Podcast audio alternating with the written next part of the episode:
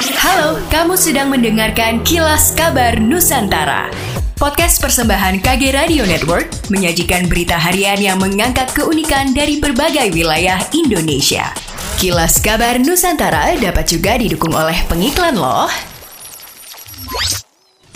Sebanyak 11 siswa Madrasah Sanawiyah Harapan Baru Kabupaten Ciamis, Jawa Barat tewas tenggelam saat mengikuti kegiatan susur Sungai Cileer di Dusun Wetan, Desa Utama, Kecamatan Cijincing, Ciamis pada hari Jumat.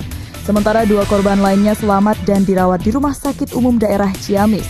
Kepala Bidang Kedaruratan dan Logistik Badan Penanggulangan Bencana Daerah Kabupaten Ciamis, Mehmet Hikmat mengatakan, korban ditemukan dalam radius 20 meter dari lokasi tenggelam. Korban ke-11 ditemukan pada pukul 20 lewat 20 waktu Indonesia Barat atas nama Siti Zahra. Dengarkan kisah para perempuan Indonesia dalam merangkul kecantikannya. Mulai dari pengalaman pertama kali berhijab, penyintas bullying dan beauty shaming, hingga para pejuang jerawat.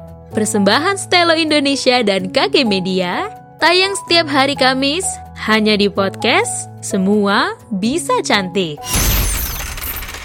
Otoritas Jasa Keuangan telah merangkum 107 penyedia layanan pinjaman online atau pinjol yang terdaftar resmi.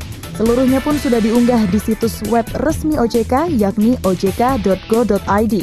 Ketua Dewan Komisioner Otoritas Jasa Keuangan Wimbo Santoso mengimbau kepada masyarakat memanfaatkan informasi tersebut sebagai referensi jika ingin meminjam uang.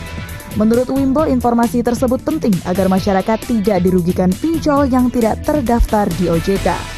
Selama pandemi, Satgas COVID-19 Surabaya jaring 24.000 pelanggar prokes. Satgas Percepatan Penanganan COVID-19 Kota Surabaya telah menjaring ribuan pelanggar protokol kesehatan selama pandemi COVID-19 dan berlanjut dengan pemberian sanksi dan denda sesuai kebijakan yang berlaku. Koordinator Penegak Hukum dan Kedisiplinan Gugus Tugas Percepatan Penanganan COVID-19 Kota Surabaya Edi Kristianto mengatakan, berdasarkan data yang dimiliki, tercatat ada 24.000 pelanggar prokes selama pandemi COVID-19, mulai pelanggar perorangan hingga tempat usaha. Khusus tempat usaha yang melanggar prokes ada 870 tempat usaha.